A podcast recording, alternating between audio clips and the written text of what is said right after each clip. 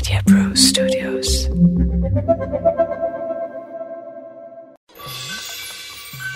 भाई कहल जाला कि अगर केहू के भलाई खतिन झूठ बोलल जा तो उ सौ सच के बराबर होखेला और यहाँ तो गोनू झा लोग के बचावे खतिन अंधविश्वास तक अपना लेहन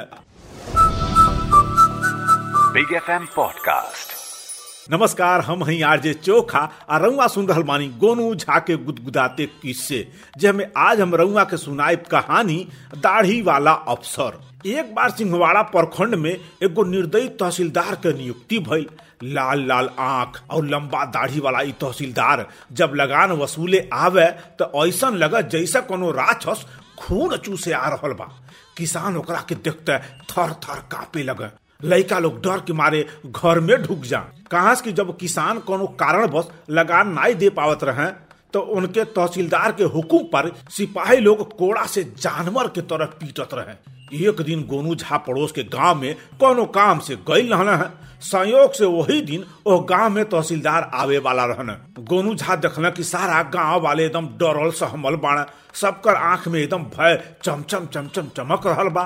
गोनू झा एगो आदमी से पूछी पड़ने, का बात है भाई? यहाँ जकरा के देखे, उहे एकदम भयभीत तो लग रहा बा। ऐसा लग रहा बा, जैसे कि उनकरा के फांसी दिहल जाई। अरे महाराज रउआ ना जानती, आज तहसीलदार लगान वसूले आ रहा बा। अब गोनू झा मन में विचार कैले कि भाई यह अत्याचारी तहसीलदार का कहानी तो बहुत सुनले बाड़ी, आज अपने आँखी से देखो और वह लगभग सगरो किसान अपने लगान का अनाज लेके तौल के एकदम में तैयार बैठल रहना फिर भी कुछ ऐसा किसान भी रहना जे लगान के पूर्ति कर लायक ना रहा है उनका अनाज ठीक से ना भइल रहा आ उ लोग तो डर के मारे एकदम थर थर थर थर कांपत रहे बुझा कि अब्बा रो दी हैं। आखिरकार तहसीलदार के का लश्कर आ पहुंचल। गोनू झा देखले कि काला भुजंग राक्षस जैसन तहसीलदार अपने घोड़ा पर सवार बा। और बढ़न बढ़न खतरनाक वाला आँख किसानन के घूरत रहे। तत्काल एगो चरपाई आयल आ तहसीलदार के बैठे खातिर बिछावल गई तहसीलदार सबके घूरत के आके चरपाई पर बैठ गए। ओकर अर्दली या सिपाही लोग मिल के पंखा उंखा झलल शुरू कर दिले आ मुंशी जी वही खाता खोलने और एक किसान का नाम बोलावे लगल। आ सगरो किसान अपने अपने बारी से आके अनाज के बोरी रखत चल जा मुंशी के इशारा पर दू गो आदमी वो अनाज के हाथ झुला के वज़न नाप ले जैसे हथो में तरजुई छिपल बा उनके। फिर संतुष्ट भैला के बाद अगला नाम बोलावल जा। फिर जब एगो गरीब वृद्ध आदमी बीगन के नाम पुकारल गई उ कापत का खाली हाथ तहसीलदार के सामने आ पहुंचल। तहसीलदार का भिरकुटी तौन गई लगान कहाँ बा? तरीके से तहसीलदार गुर्रा के बोलल। माय बाप एह बार फ़सल धोखा दे गई। अच्छा बीज ना मिलल है। तो हम का करी? तोरे हिस्सा का लगान सरकार के हम अपना जेब से दी। माय बाप हमार सरकार तो रउआ बानी रउआ तो गरीबन के अन्नदाता बानी। हम पर दया करके एह बार क्षमा कर दी। अगली बार हम अगला पिछला सारा हिसाब किताब चुका दे महाराज। पक्ष सारे कामचोर बुढ़ा हमके मूर्ख बुझताड़े। ऐसा कहत के तहसीलदार एक लात ज़ोर के ओ गरीब बुढ़ा के मार दल और कहल, सरकार हमनी के ज़िम्मेदारी यही मारे दहले बा कि हमनी दया करत के फिरी। हमनी के तनख्वाह यह मारे मिलेला कि उनकर काम ठीक से करी। तोरे जैसन केतना अइले और गईले अगर सब पर दया करत चली तो हो चुकल वसूली। माई बाप, हमारे पास कुछ ना बा। कुछ ना बा। ए सिपाही। मार कोड़ा कोड़ा करा के। और तबले मार, जब लेकर खाल न उजड़ जा, ताकि लोग के सबक मिले और समय से सब लगान दे दे। इतना बात सुनते सिपाही लोग बड़ा निर्ममता से और वृद्ध के कोड़ा मारे लगल। बेचारा वृद्ध ऐसा चिल्लात रहे कि सुने वाला का करेजा थर राजा। गोनू झाबी ओकरा यह अत्याचार से सहम उठले। ऐसा जुलूम उ पहली बार देखले रहने आ कोड़ा तब तक चलत रहल जब तक वो वृद्ध बेहोश न हो गई। फिर तहसीलदार ऊँचा आवाज़ में सबके तरफ़ घूर के बोलले, देख लेला ना तू सब, हमार नाव शेर सिंह है, शेर सिंह। जे लगान ना दी, ओकरा यह हालत हुई। हम अपना काम में कबो कोताही ना बरतल चाहिला। आगे से ध्यान रहे कि अगर केहू भी लगान में एक दाना भी कम दहले तो ओकर का हाल होई।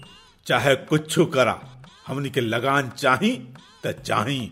ई सब बात देख के गोनू झा वही समय मन मन प्रण कैले कि कबो अवसर मिली त यह क्रूर तहसीलदार के सबक ज़रूर सिखाए फिर वहाँ से गोनू झा अपने गाँव लौट अले कई दिन तक उनके दिल और दिमाग में वह वृद्ध किसान का चीख गूंजत रहे यह उनके गाँव में भी वह तहसीलदार के जुल्म का चर्चा अक्सर होत रहे आ चिंता के विषय ई रहल कि एह बार ज़्यादातर किसान का फ़सल अच्छा ना भइल रहा फ़सल अच्छा न भइला का मतलब है जुल्म के तांडव है।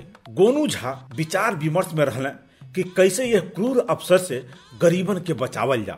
आखिर बहुत सोचला विचारला के बाद एगो उपाय इनका मन में आ गई।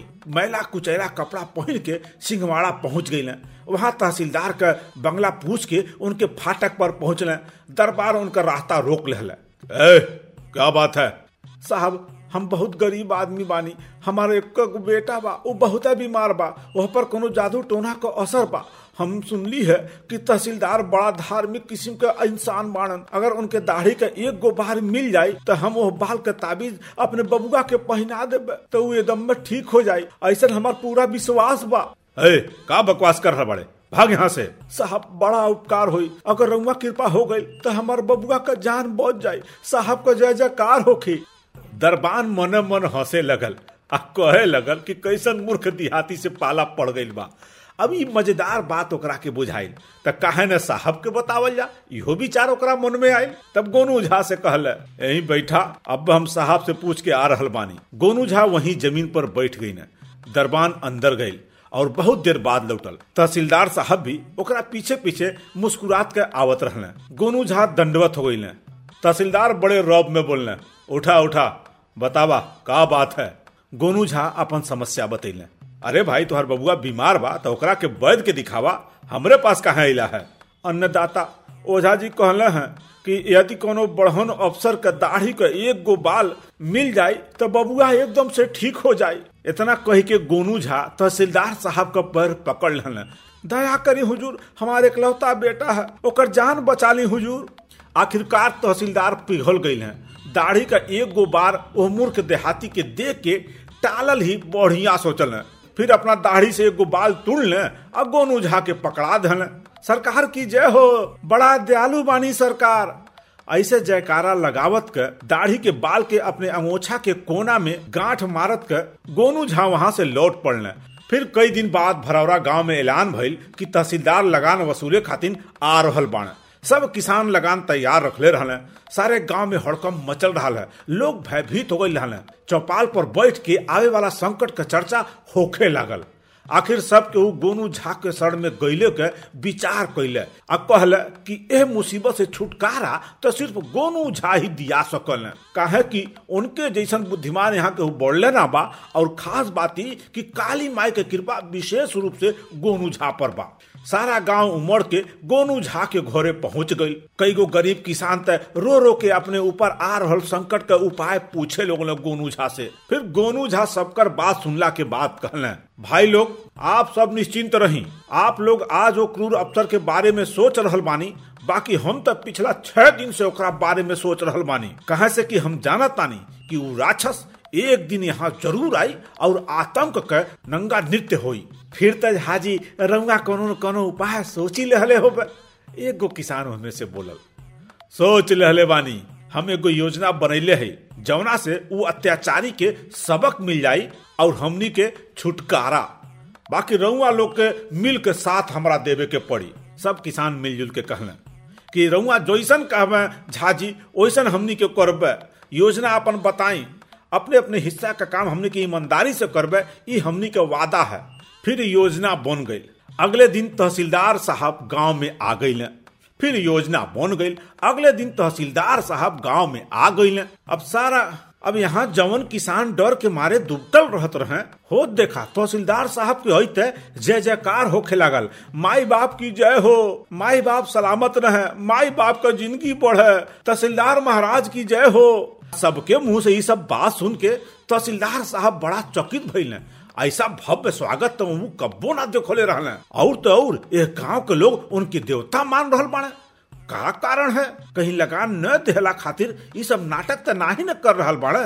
अगर ऐसा बात होई तो एक एक जनी के कोड़ा मरवा मरवा के खाल खींचवा लेबे। तबले एक जनी पर तहसीलदार साहब को नज़र पड़ल तो चौंक गई कहा कि उ चेहरा इनकर जानल पहचानल रहल है? अब बोलने, अरे ये तो वह गरीब किसान है न, जौन अपने बबुआ खातिर दाढ़ी के एगो बाल लेबे खातिर आयल रहल है। अन्नदाता माई बाप, आप साक्षात भगवान है।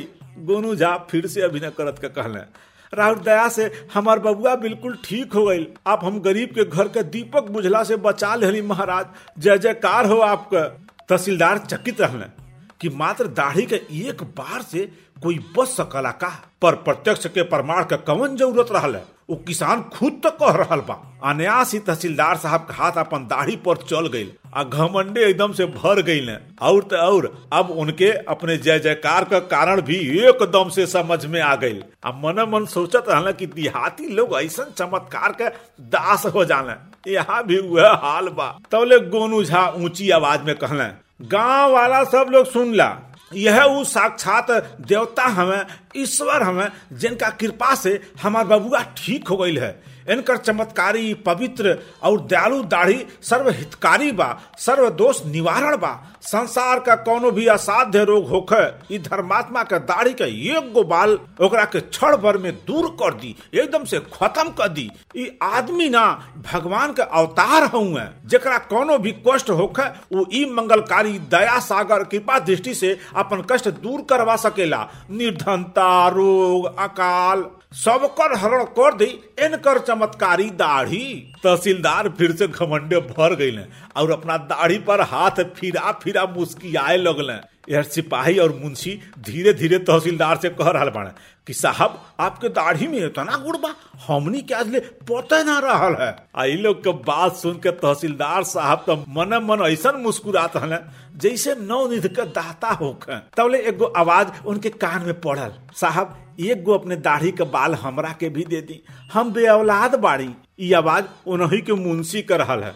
ओकरा बाद तो सब के हुआ अपन अपन कष्ट लगल बतावे और दयालु बाल मांगे लगल साहब से। अब साहब, छाती, चौड़ा कोई के सब कर इच्छा पूरा कैल शुरू कई दहले यार गोनू झा सगरो किसानों के इशारा कई दहले अब सारा गाँव दाढ़ी के एक गो बाल मांगे लगल। एकदम हल्ला होए लगल कि हमरा के बाल चाहिए हमरा के बाल चाहिए आपा धापी धक्का मुक्की पटकी पटका सब होखे लगल। अब भीड़ खोबे रहल है। सब यह सोचे कि कहीं बाल खत्म हो जाई हमके ना मिली तो हमार कष्ट और बढ़ चल जाई।